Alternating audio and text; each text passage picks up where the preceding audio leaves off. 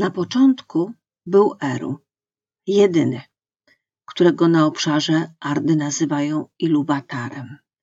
On to powołał do życia Ainurów istoty święte, zrodzone z jego myśli. Ci byli z nim wcześniej, niż powstało wszystko inne. Rozmawiał z nimi i poddawał im tematy muzyczne. Ainurowie zaś śpiewali dla niego i on radował się tą muzyką. Przez długi wszakże czas każdy Ainur śpiewał sam albo też łączył swój głos z kilku jedynie współbraćmi, a reszta słuchała. Każdy bowiem pojmował tylko tę cząstkę myśli Iluwatara, z której się zrodził, a do zrozumienia swoich współbraci dochodził bardzo powoli. W miarę jednak, jak się wsłuchiwali, zaczynali rozumieć coraz głębiej, a głosy ich zespalały się w coraz doskonalszej harmonii.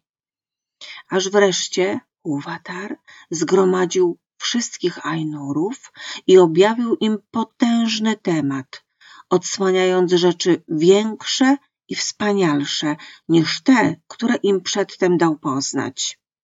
A blask początku i wspaniałość zakończenia tak olśniły Ainurów, że pokłonili się Iluwatarowi w milczeniu. Wówczas rzekł: Chcę, abyście z tego tematu, który wam objawiłem, rozwinęli harmonijną wielką muzykę. A ponieważ natchnąłem was niezniszczalnym płomieniem, możecie, jeśli chcecie, wzbogacać temat własnymi myślami i pomysłami. A ja będę słuchał i radował się, że za waszą sprawą wielkie piękno wcieli się w pieśń.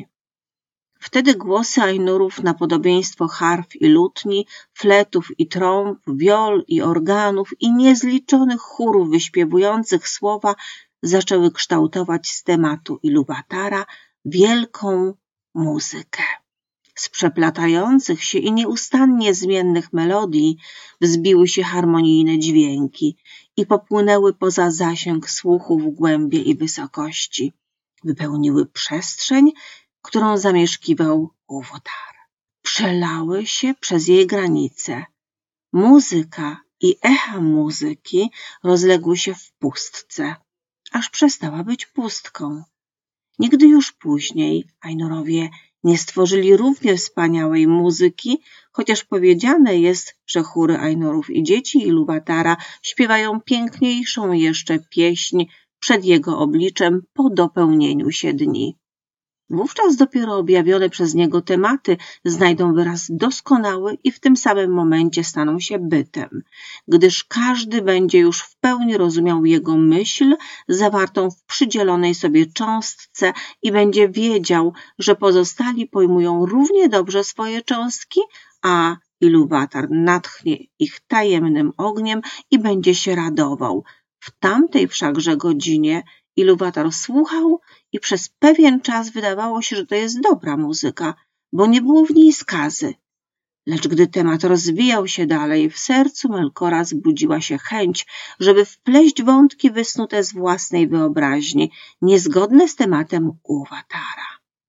Chciał bowiem w ten sposób przydać swojej roli więcej mocy i blasku. Melkorowi dana była szczególna władza i wiedza, a nadto udział we wszystkich darach rozdzielonych między innych jego bracia Ainurów. Często zapuszczał się samotnie w puste przestrzenie, szukając niezniszczalnego płomienia. Paliła go bowiem żądza stwarzania bytu własnego pomysłu. Wydawało mu się, że Iluwatar nie ma żadnych planów co do pustki i niecierpliwie pragnął ją po swojemu wypełnić.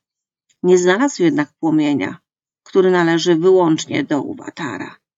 A ponieważ wiele czasu spędzał w samotności, wylęgły się w jego sercu myśli odmienne niż myśli innych Ainurów.